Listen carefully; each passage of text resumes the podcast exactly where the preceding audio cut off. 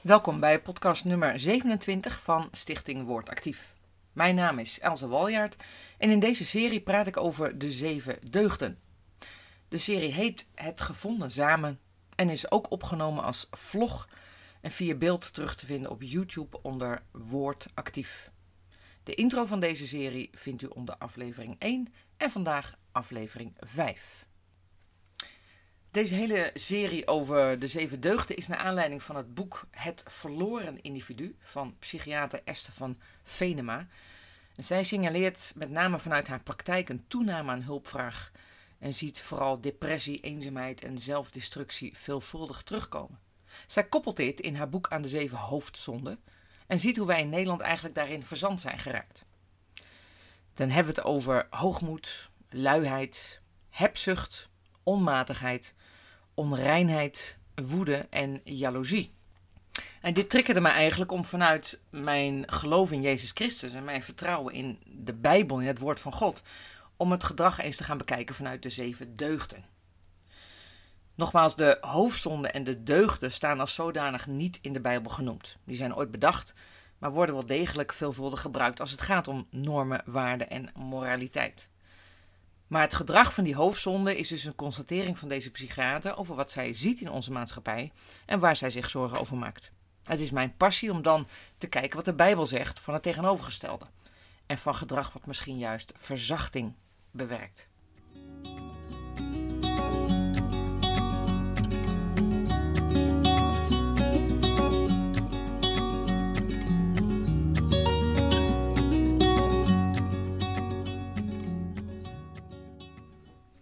De eerste deugd die ik heb behandeld is uh, matigheid. En daar stond eigenlijk de hoofdzonde onmatigheid tegenover. Tegenover de andere zes hoofdzonden staat niet specifiek een deugd. Zo is bijvoorbeeld een tweede hoofdzonde die genoemd wordt, is ira, oftewel woede. Het tegenovergestelde zou misschien vrede of kalmte kunnen zijn. Zelfs de deugd zelfbeheersing, matigheid, waar ik er vorige keer over heb gehad, die zou kunnen passen. Met name als het gaat om ontspoorde woede. Maar ik moest zelf denken aan de deugd rechtvaardigheid. En het interessante is dat ik dat terugvind in haar omschrijvingen over gezonde boosheid en woede. Zij omschrijft dat gezonde woede eigenlijk aan drie voorwaarden moet voldoen. De een is de zaak waarover je woede ervaart moet rechtvaardig zijn. Het tweede is dat de intentie van je woede moet juist zijn, gemotiveerd door rechtvaardigheid en niet door wraak. En de reactie van je woede moet in verhouding staan tot het feit waarover je kwaad wordt. Als iemand uh, in het verkeer zijn, zijn knipperlicht niet aandoet en de ander gaat helemaal uit zijn plaat bovenop zijn rem, zet de andere auto klem en komt al scheldend eruit, dan kan je zeggen dat is niet helemaal in verhouding tot de daad.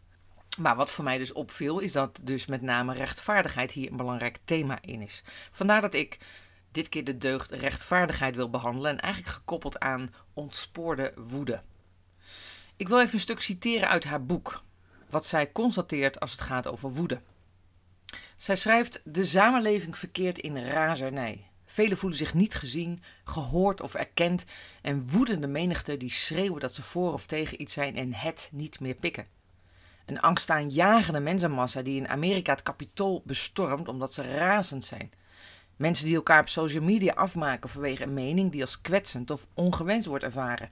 Jongeren die hun driftleven niet meer onder controle hebben en elkaar tijdens een avondje stappen van het leven beroven. Einde citaat. Wat zij vervolgens ook benoemt, is dat ze omschrijft dat er eigenlijk maar één is die rechtvaardige woede mag, mag uiten, mag tonen, omdat die het overzicht heeft over de consequenties.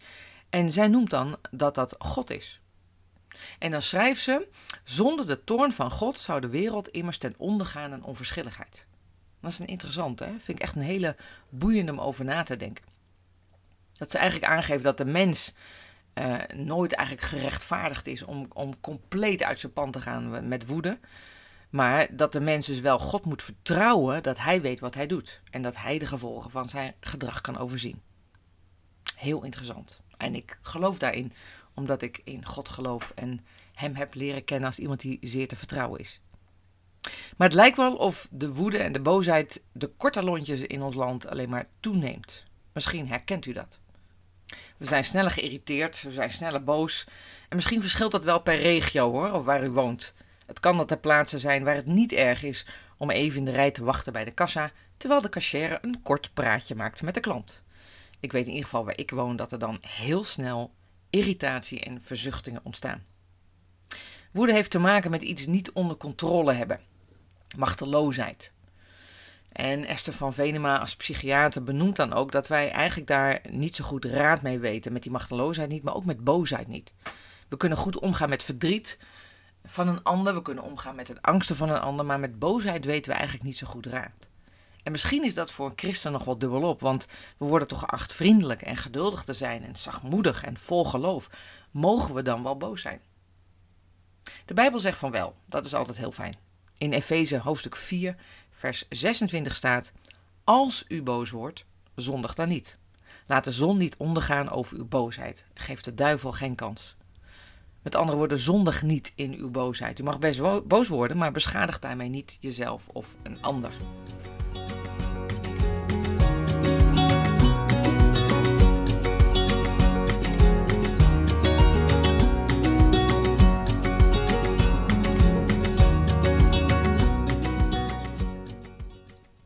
Voordat we uitkomen bij de deugd rechtvaardigheid, is het goed om te begrijpen waar dan het tegenovergestelde, die woede, vandaan komt. Boosheid gaat vaak over niet gezien en gehoord worden, onrechtvaardig behandeld worden en dat vaak langdurig. Woede kan ook ontstaan als er in de opvoeding geen ruimte is geweest om boosheid te uiten, of juist omdat er geen duidelijke regels en grenzen waren. Situaties van machteloosheid zijn dan veelvuldig aanwezig. Als iets de ene keer ja is en de andere keer nee, als er situaties zijn waarin je vooral niet beschermd wordt, er zijn geen duidelijke regels, dan kan dat gevoel geven van machteloosheid, van totaal geen controle hebben. En dat kan zich ontladen in boosheid en in woede, die uiteindelijk kapot maakt. Want dat is een feit, woede kent alleen verliezers. Degene die boos is, die lijdt daar eigenlijk onder en de omgeving die het moet ontgelden. In de kern gaat het eigenlijk qua woede over niet gezien, erkend en gehoord worden geen bestaansrecht hebben in de ogen van de ander. En dan wordt woede destructief. Esther van Venema omschrijft het als een niets onziende bosbrand die moet uitrazen totdat alles kapot is. Dat is vrij heftig. Er zijn natuurlijk tal van oorzaken te bedenken waardoor we misschien steeds bozer worden. Dat kan de drukte zijn, het overbevolkte, de enorme toename in prikkels, in het verkeer, in reclame, in telefoongebruik, films, video's bekijken, altijd aanstaan door de smartphone met social media, waar ook nog eens perfectie wordt geëist. En dan de keiharde cancelcultuur die heerst in Nederland. Als we één fout van jou ontdekken, al is die 30 jaar geleden, dan cancelen we jou. Dan hoor jij er niet meer bij. Er is veel onrecht. De toeslagenaffaire, Groningen en gas, de klimaatveranderingen, de, de krappe woningmarkt, voedsel en energie wat steeds duurder wordt, de armoede die toeneemt. Er zijn veel situaties waar we geen controle over hebben. Een tweede oorzaak misschien is dat we ook steeds gevoeliger lijken te worden, kwetsbaarder. En doorgaand op die deugdmatigheid tegenover de onmatigheid zien we dat eigenlijk ook weer terug als het gaat om recht en onrecht. We vinden als individu dat we recht hebben op heel veel. Recht op vakanties, recht op een lange pauze, heb recht op lekker eten en drinken en het liefst zo snel mogelijk. Ik heb recht op mijn mening en ik heb recht op nieuwe kleren, enzovoort, enzovoort. En als er dan niet gebeurt waar wij vinden dat we recht op hebben, worden we boos. En als die boosheid niet gestuurd kan worden of gericht geuit kan worden, dan kan het ontsporen. Waar voorheen de groep een mate van bescherming bood als één in de groep erg boos was, is die groep verdwenen. En iedereen moet maar zelf zien te dealen met emoties zoals machteloosheid en woede de samenleving, de gemeenschap zou kunnen helpen, zou kunnen corrigeren, zou kunnen luisteren, aandacht geven en helpen. Maar in het ieder voor zich verhaal en zelf God willen zijn, blijkt dit toch allemaal niet te werken. God is een God van rechtvaardigheid. We lezen in Matthäus 6, waar het gaat over je geen zorgen hoeven maken om de dag van morgen, dat er geschreven staat en dat Jezus aangeeft dat zijn Vader zorgt. Er staat dan in Matthäus 6, vers 32 en 33. Uw hemelse Vader weet dat u dit alles behoeft, maar zoekt eerst zijn koninkrijk en zijn gerechtigheid. En dit alles zal u bovendien geschonken worden. Het gaat over bezig zijn met zijn koninkrijk, maar ook met zijn gerechtigheid. God is een rechtvaardig God. En wat is het fijn om Jezus te kennen, de Vader te kennen En de Heilige Geest in mijn leven te hebben, die kan bemoedigen, die wijsheid kan doorgeven, die kan troosten, die rust kan brengen.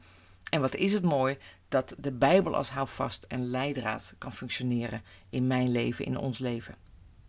Er is gewoon veel onrecht. Het valt lang niet altijd mee om hiermee om te gaan. Maar ik heb een hemelse vader die opkomt voor onrecht. Bij wie mag aankloppen om hulp en vragen mag stellen. Die ons allemaal ziet en hoort en waar we de controle kunnen loslaten in vertrouwen dat hij zorgt. In de volgende podcast wil ik eigenlijk meer doorgaan op die deugd van rechtvaardigheid. Deze was het meer het beseffen van de boosheid die er is, het onrecht, de machteloosheid, die soms voortkomt uit ons eigen recht hebben op en soms vanwege terechte onrecht. Maar gelukkig hebben we een God die rechtvaardig is en voor ons wil opkomen. Tot de volgende podcast.